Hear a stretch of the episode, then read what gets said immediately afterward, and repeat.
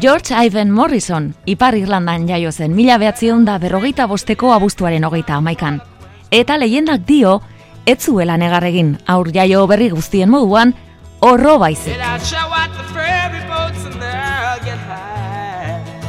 Van Morrison Belfasteko lehoia izengoitiarekin ezagutzen da eta duen interpretatzeko indar horrekin eta aldi berean nabarduretarako errestasunarekin kantautorerik onenen podiuma osatzen du Bob Dylan eta Leonarkoenekin batera. Irurogeiko amarkada hasieran Van Morrison lehenengo aldiz Dem taldeko buru gisa azaldu zenean, inor gutxik espero zuen gerora bakarlari moduan izango zuen arrakasta izango zuela. Musikarako jaio zen Born to Sing bere azken diskoetako batean aitortzen duenez, eta bera izan zen dudari gabe, Irlanda rock musikaren mapan kokatu zuena. Belfasteko langile auzo batean sortua, bere jaioterriak bi tradizioak zituen Irlandarra eta Britanikoa. Bere gurasoek George Morrison itxasontzietako elektrikaria eta Violet, gazte denboran klake dantzaria izandakoak seme bakarra izan zuten. Aita musikazalea aparta omen zen eta Ulsterreko disko bildumarik haundienetakoa osatzea lortu omen zuen. Van Morrisonek beraz, txiki txikitandik entzun zituen Maddie Waters, Mahalia Jackson edo Charlie Parkerren blues gospel eta jazz improvisazioak. Ez da barritzekoa erosi zuen lehenengo diskoa, Sonny Terry, harmonika jotzaile itxuarena izatea.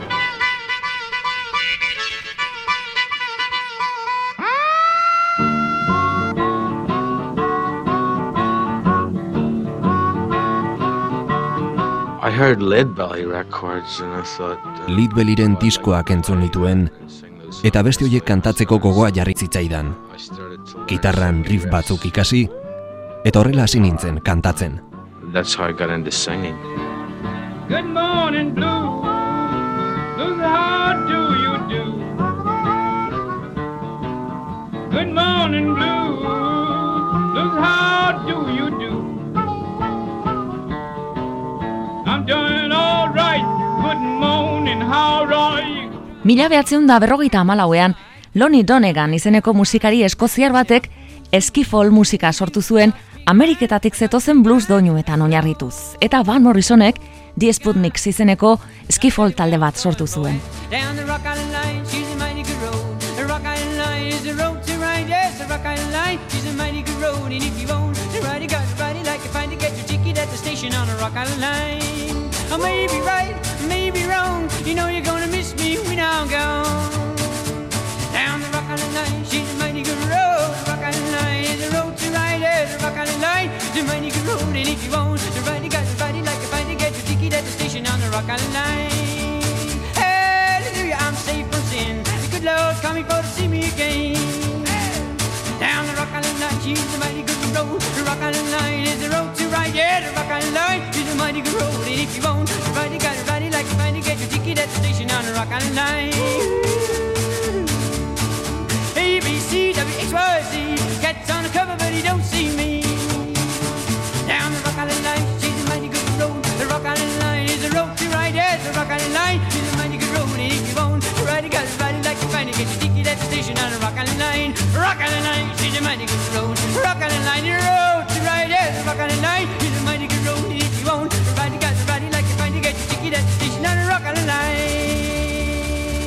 Eskifolaren moda jada pasata, berrogeita amazazpian, Jimmy Jeffrey jasegilaren The Train on the River entzun zuenean, Van Morrisonek saxo bat eskatu zion aitari eta musikaren teoria ikasketak hasi zituen.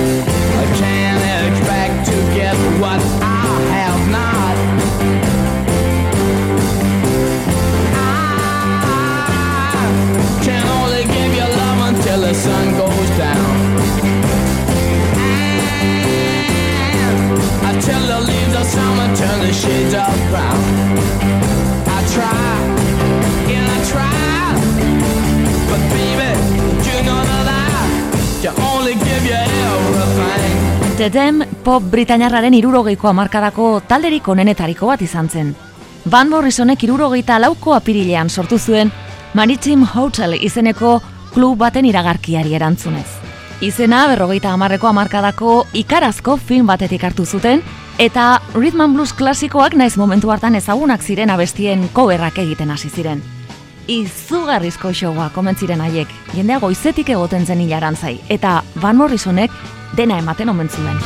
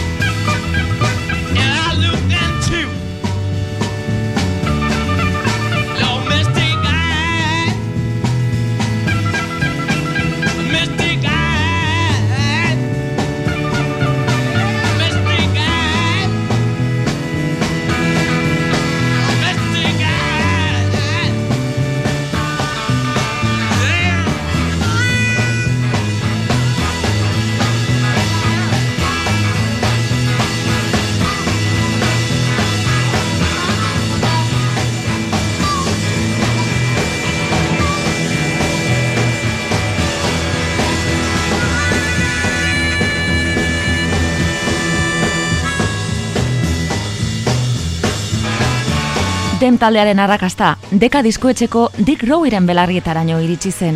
Bera izan zen irurogeita bian, Beatlesak kontratatu nahi izan ez zituena. Ez zuen beste aukera bat galdu nahi, baina elkarrekin kaleratu zuten lehenengo singelak ere, ez zuen batere arrakastarik izan. Don't start crying now. You ain't never had to cry, baby, don't stop crying now. You ain't never had to cry, baby, don't stop crying now. You never did it before, don't do you no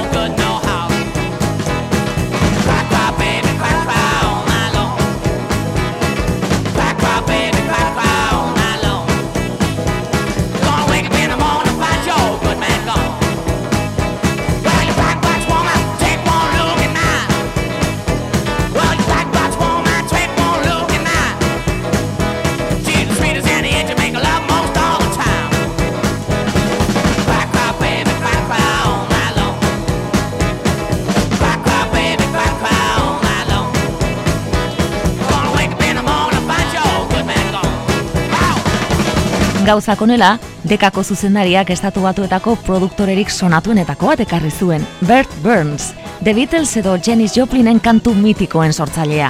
Bereak ziren Twist and Shout, Piece of My Heart edo Solomon Burken Cry to Miren tamainako hitak. Eta honako hau ekoiztu zuen Van Morrison eta bere taldekoentzat, Baby Please Don't Go.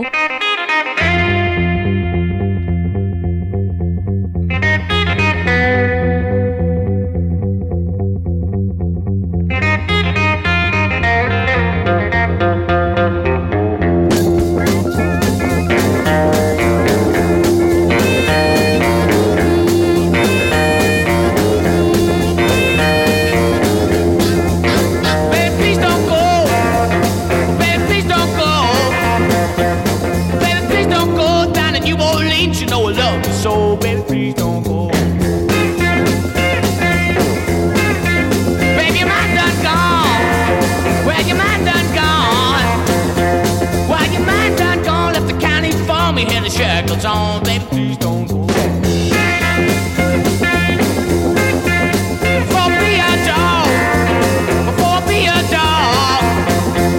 Before be a dog, get you way down here. I make you walk along, baby. Please don't go.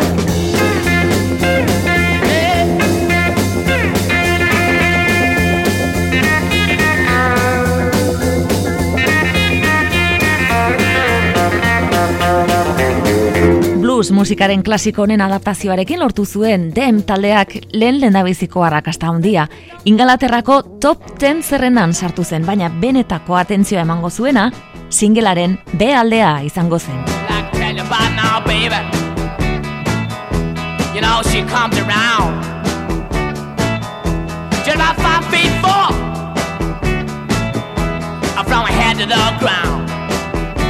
Gloria rock musikaren himnoetako bat bihurtu zen berehala. Hiru akorde besterik ez dituenez edo zein gitarrista hasi berriak ere segituan ikasi dezakelako batetik, eta bestetik abestiak berak duen indar espresiboagatik. Batez ere, Gloria letraz letra hozkatzen duenean.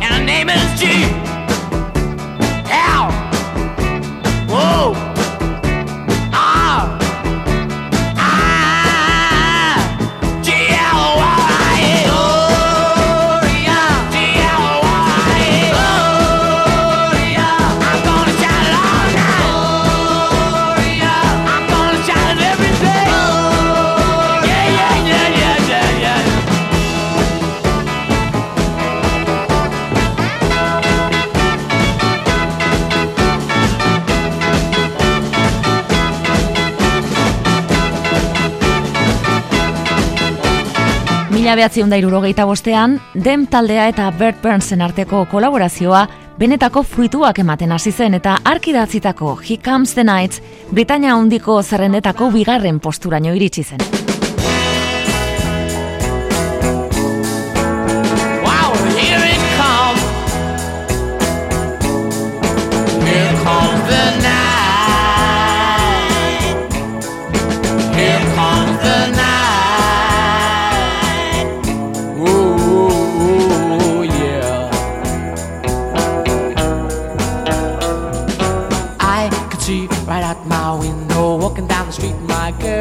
With another guy.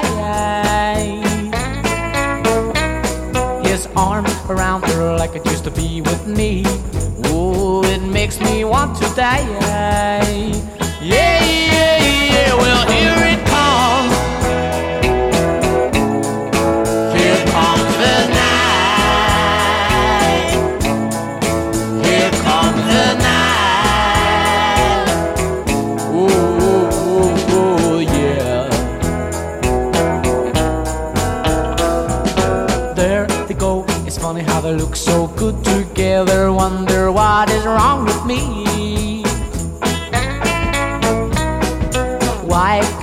accept the fact she's chosen him and simply let them be?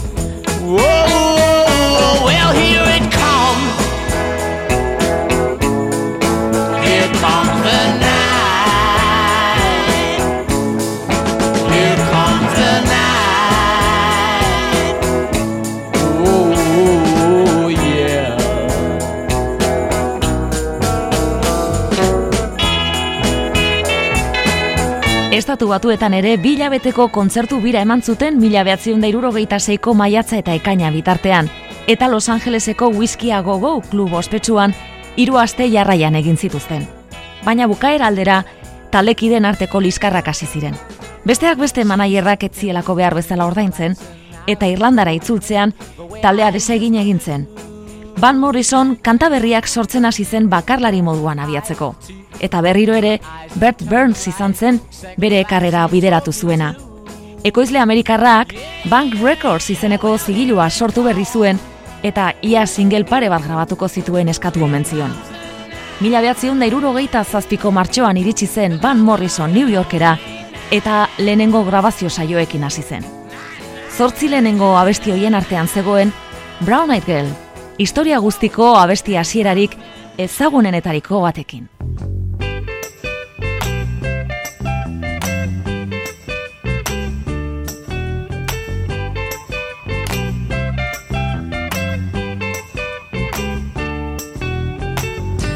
Hey, where we go? Days when the rains came down in the hollow, playing a new game, laughing and a running, hey, hey, skipping and a jumping in the misty morning fog with all our hearts a thumping and you, my brown-eyed girl. And you, my brown-eyed girl. And to Tuesday and so slow? Gone down the old man with a transistor radio. Standing in the sunlight laughing, hiding behind a rainbow's wall. Slipping and sliding all along the waterfall with you, my brown-eyed girl.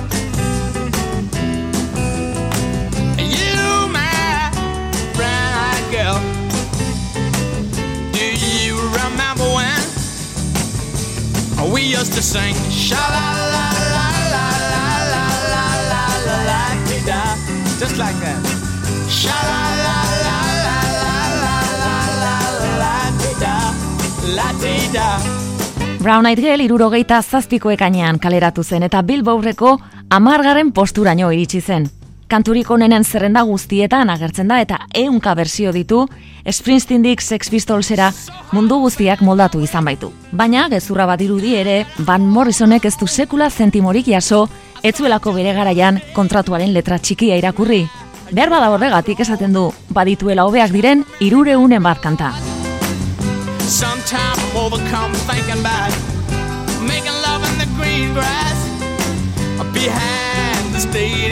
with you, my brown-eyed girl. You, my brown-eyed girl. Do you remember when we used to sing? Sha la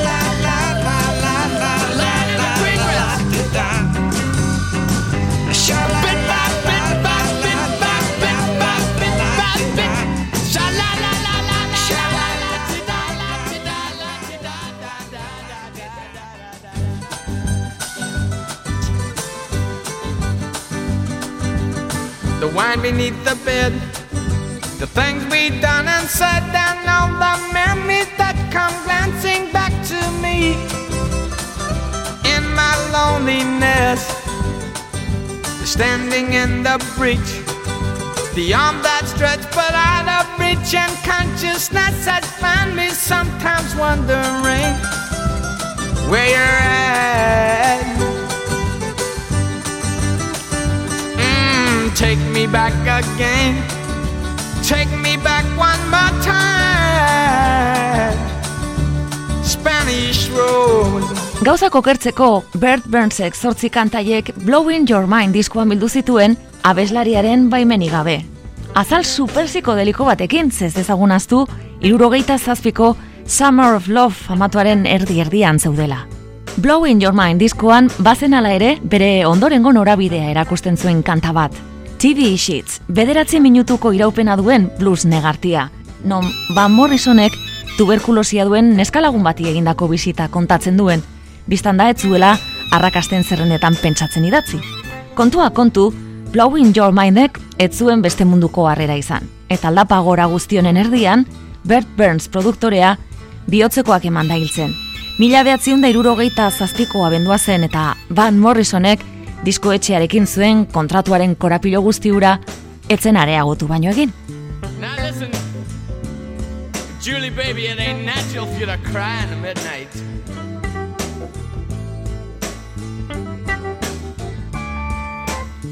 It ain't natural for you to cry when the midnight into the wee small hours long for the break of dawn. Oh Lord.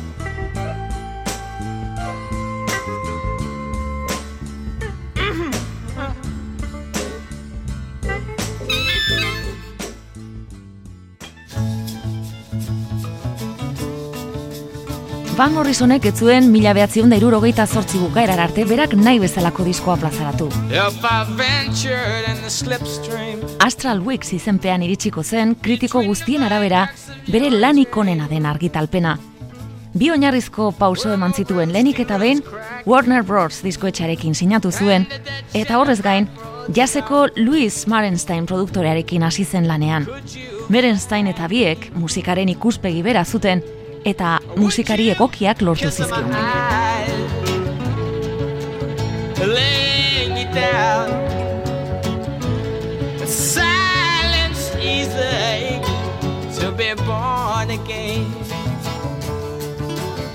To be born again. From the far side of the ocean, if I put the wheels in motion. And I stand with my arms behind me. And I'm pushing out the door. Could you find me? Would you kiss my eyes? Lay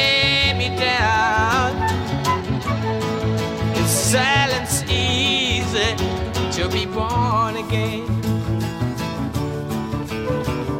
To be born again. There you go, standing with a look of avarice, talking to you to let better, showing pictures on the wall, whispering in the hall. I'm a finger at me. There you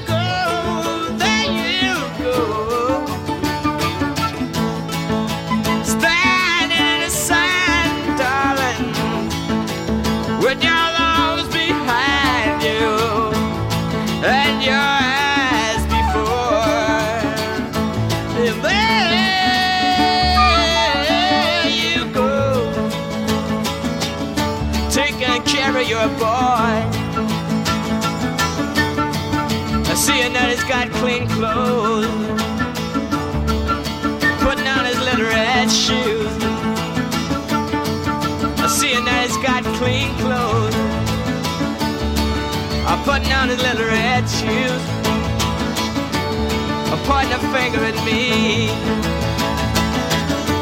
Standing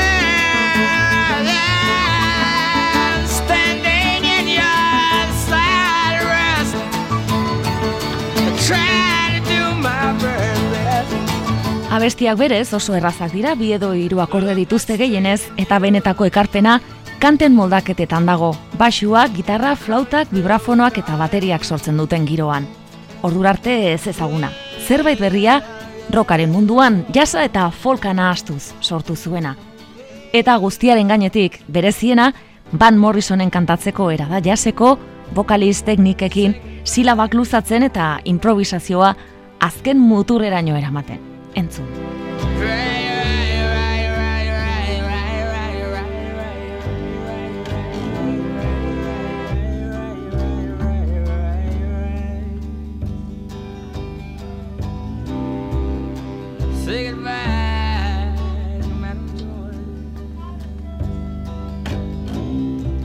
And the loves, to love, the love loves, to love, the love loves to love. Say goodbye, goodbye, goodbye. Zortzi orduko bisaioetan grabatu zuten disko osoa, eta irurogeita zortziko amaieran merkaturatu zenean, etzen apena saldu. Estatu batuetan kultozko disko bihurtu zen arren, kritiko britainarrek ez baitzuten bat ere ondo hartu. Beat instrumental aldizkariaren iritziz, Van Morrisonen kantak aspergarriak ziren, eta The New Musical Expresseko entzat, Jose Felicianoren kopia txar bat besterik ez. Gauzako nela Van Morrison inungo diru sarrerari gabe gozea pasatzen ari zen. Eta rock and roll munduan jarraitu nahi bazuen, estilo zuzenago bat bilatu behar zuen. Jendearen gana iristea zen kontua, eta bere hirugarren diskoa, Moon Dance, irratirako aproposak diren kantez betea dator. Well, it's a marvelous night for a moon dance with the stars up above in your eyes. A fantabulous night to make romance neath the cover of October skies. You all the leaves on the trees are falling to the sound of the breezes that blow. Know, I'm trying to please to the calling of your heartstrings that play soft and low. Yet all the night's magic seem to hush. You know, the soft moonlight seems to shine in your blush. Can I just have one more moon dance with you, oh, my love? Can I just make some more romance with you, oh, my love? Well, I wanna make love to you tonight. I can't wait till the morning has come. And I know now the time is just right. And straight into my arms you will run. And when you come, my heart will be waiting to make sure that you're never alone. There and then all my dreams will come true, dear. There and then I will make you my own. And every time I touch you, you just tremble inside. Then I know how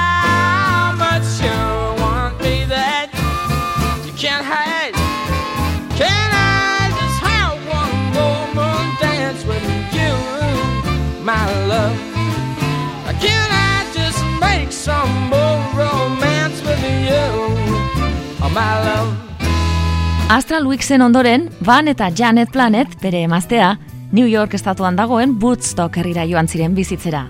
Eta Bob Dylan naiz de bandekoek bizi ziren herritxo honetan jaio zen, irurogeita amarreko apirilean, euren lehenengo alaba, Shannon Kaledonia. Kaledonia, erromatarrek Eskozia izendatzeko erabiltzen zuten eta Van Morrisonen aintzindariak Eskoziar jatorrikoak ziren. Disko berriko kantak askoz ere zuzenagoak ziren, kontzertuetarako egokiagoak, eta honek aukera eman zion barruan zuen showmana ateratzeko, karabanekin esaterako.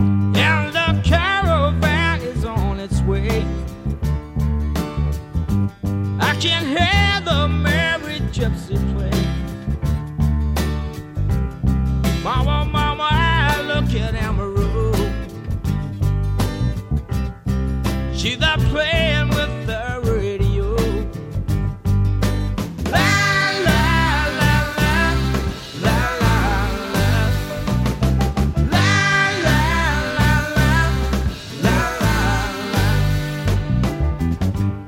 Yeah, the caravan has all my friends.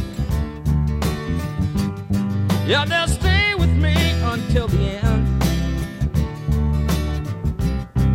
Gypsy Robin and Sweet Amber Road.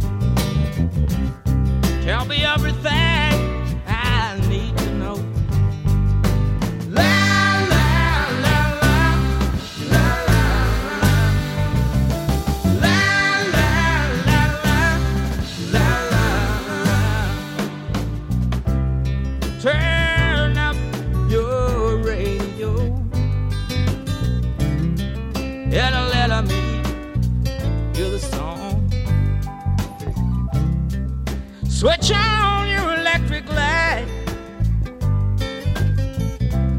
we can get down to what is really wrong.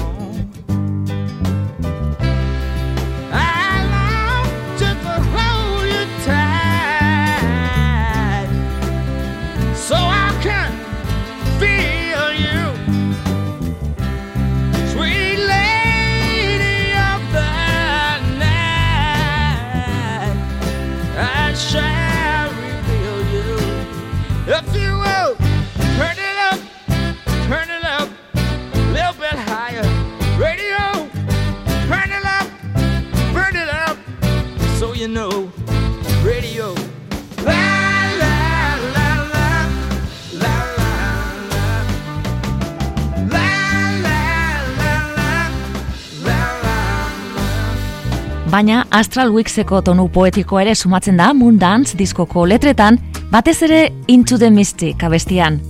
Honela dio, gu aizea baino lehenago jaio ginen, eta eguzkiaren aurretik. We were born before the wind. Also younger than the sun. Yeah, the bonnie boat was one as we sail into the mystic.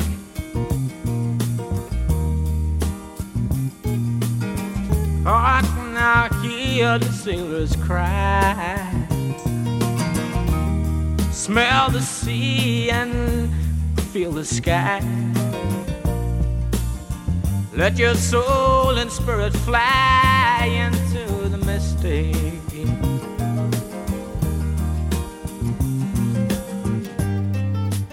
And where that foghorn blows, I will be coming home. Mm.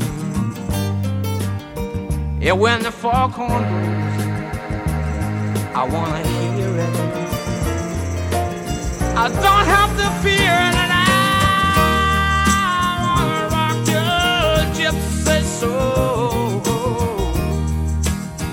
just like way back in the days of old.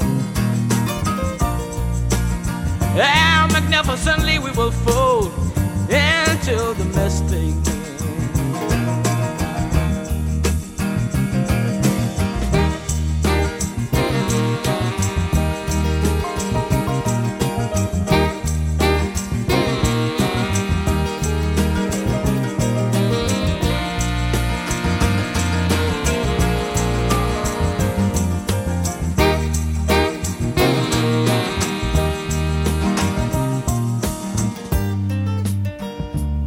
That foghorn blows,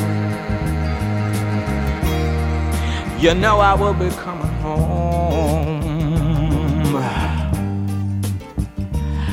Yeah, when that foghorn whistle blows, I gotta hear it. I don't have to fear it, and I wanna rock your gypsy soul, just like way back in the days together we will fold into the mystic. Come on, girl.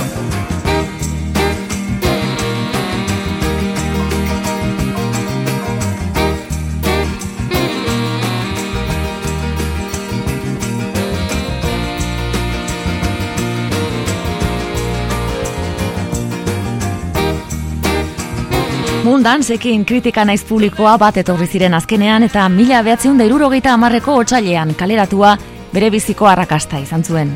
Atentzioa ez galtzeko gainera, urte berean beste disko bat kaleratu zuen His Band and the Street Choir izenpean. Domino izeneko abestionek iriki zuen lanberria. Don't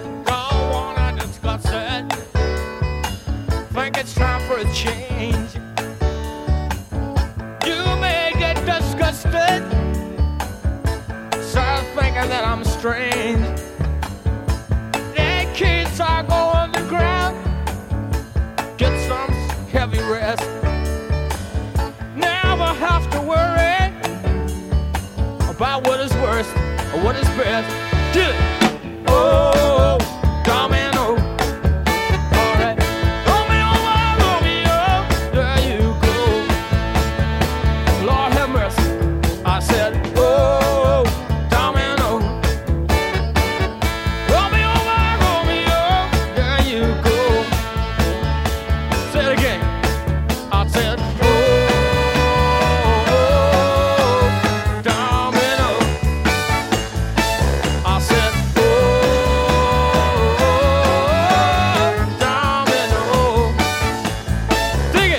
Van Morrison beraren hitzetan Fats Dominori egindako omenaldia da, eta soul kanta zuzen honekin Irlandarra Bilbaurreko bederatzigarren posturaino iritsi zen.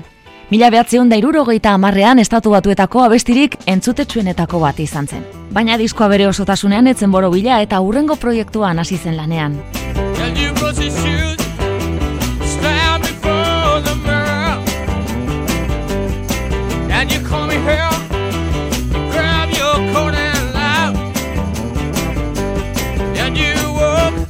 questions try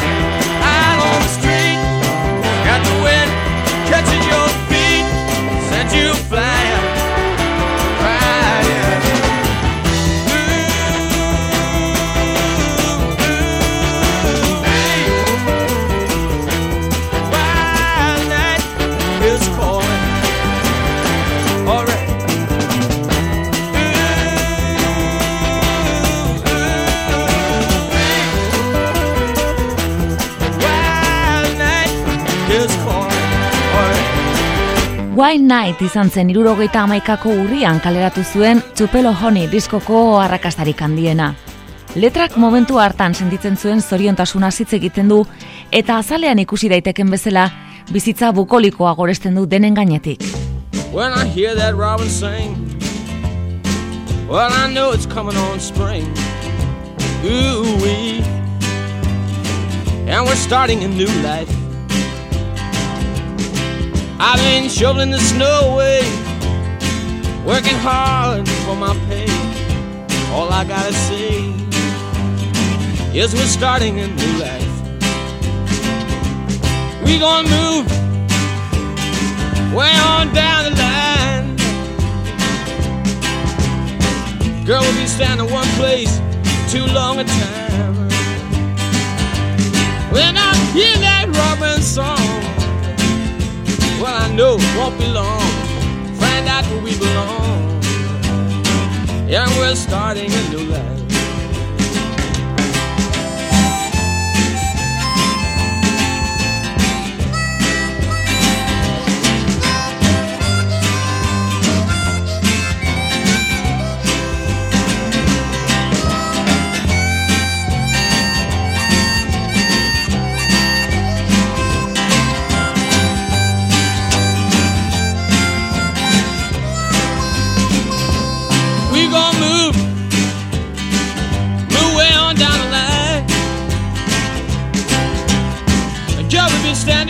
Place for too long a time.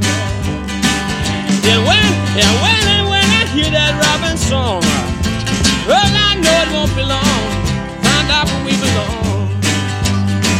And we're starting a new life. And we're starting a new life. And we're starting a new life. Yeah, we're starting a new life.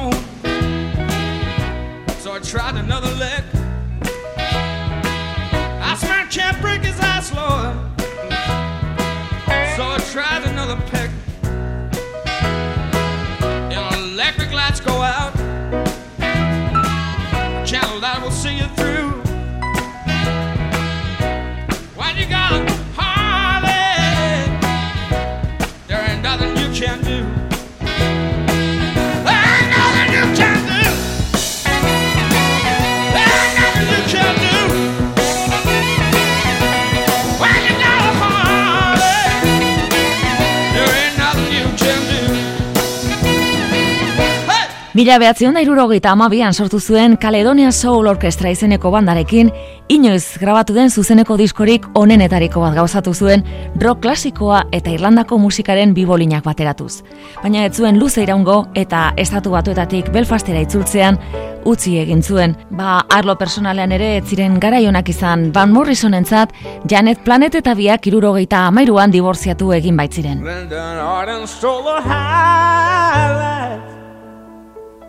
What one hand tied behind his back. Loved the morning sun and whiskey. Ran like water in his veins. Loved to go to church on Sunday. Even though he was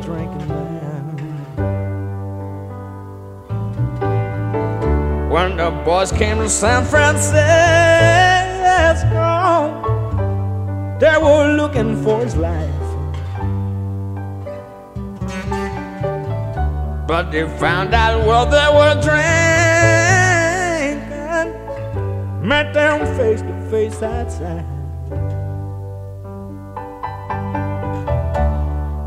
Cleave their heads off with a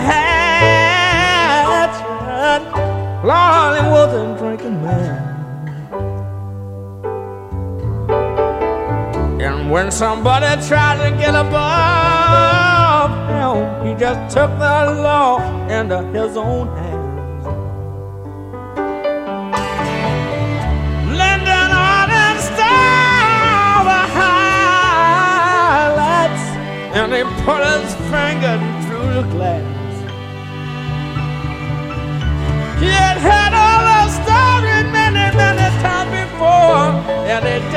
Care no more to ask. And he loved the little children like they were his very own.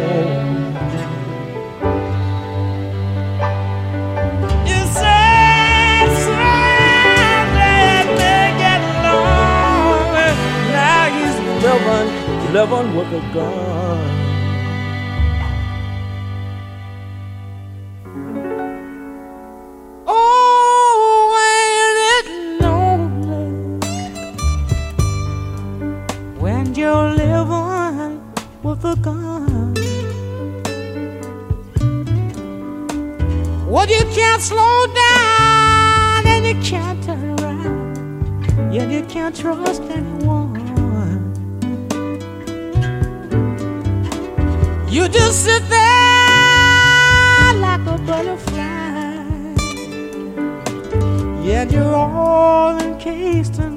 Mila behatzion da irurogeita amalauan, Van Morrisonek Biron Fleece izenpean bere emozionazien kronika harrigarria plazaratu zuen. Astral Weeksekin lortu zuen giro introspektibora itzuli zen, eta bere lanik ebokatiboena izango zen honekin gailurrera iritsi zen beste behin.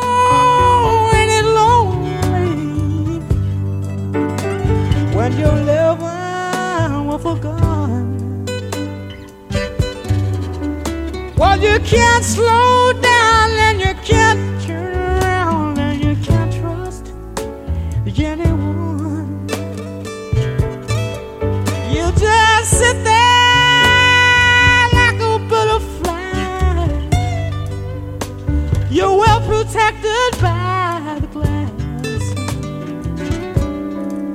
You're such a rare collector's item.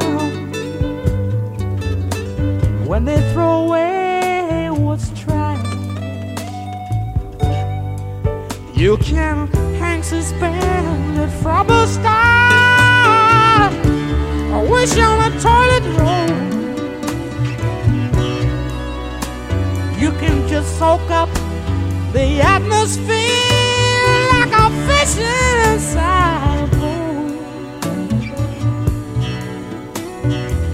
ghost comes round at midnight, you both can have some fun. He can drive you mad, he can make you sad, he can keep you from the sun. When they take him down, he'll be both safe and sound.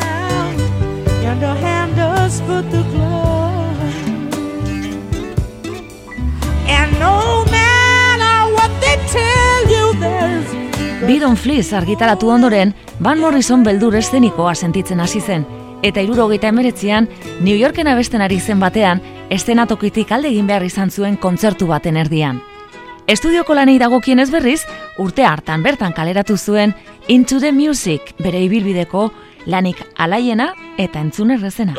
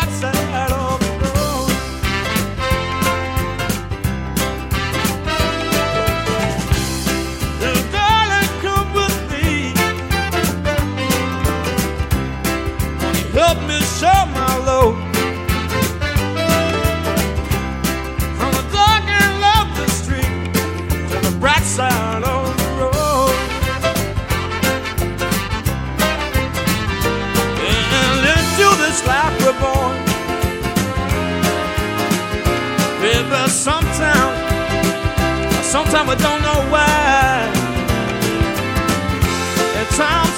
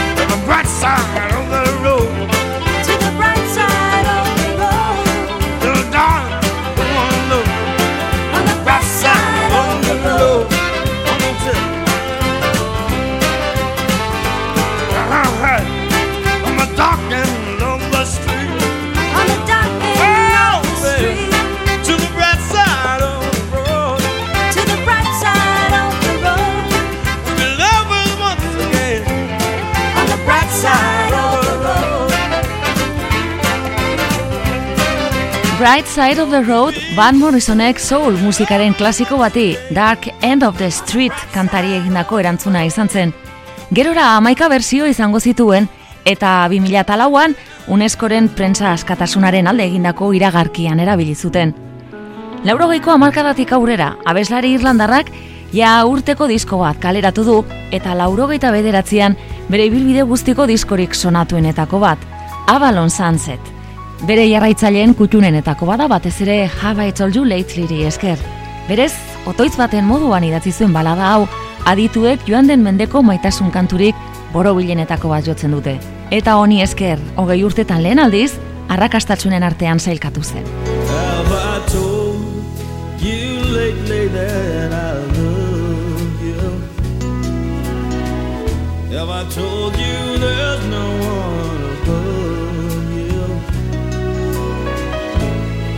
Fill my heart with gladness, take away my sadness, ease my troubles. That's what you do. All the morning sun and all its glory. Reach the day with hope and comfort too. And you fill my life with laughter. You can make it better.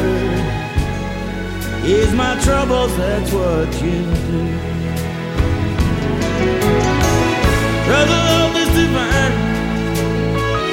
And it's yours and it's mine like the sun.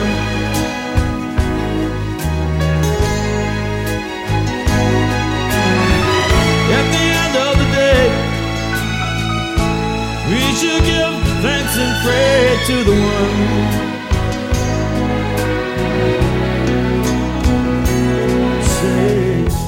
Have I told you lately that I love you? Have I told you there's no one above you? Fill my heart with gladness, take away my sadness, ease my troubles, that's what you do. Van Morrisonek bere kantarik onenak Kaledonian pentsatzen idatzi izan dituela esaten da. Purua beti, erromatarrek ezin menperatu izan zituzten paraje berde eta misteriotsuetan. Rock, soul, blues, jazz, country naiz folk doinuetatik edaten duten abesti perfektuak konposatu naiz interpretatu izan ditu. Eta bukatzeko, The Chieftains Irlandarrekin batera bere dueto ezinbestekoetako batean entzungo dugu. Oh, Shannon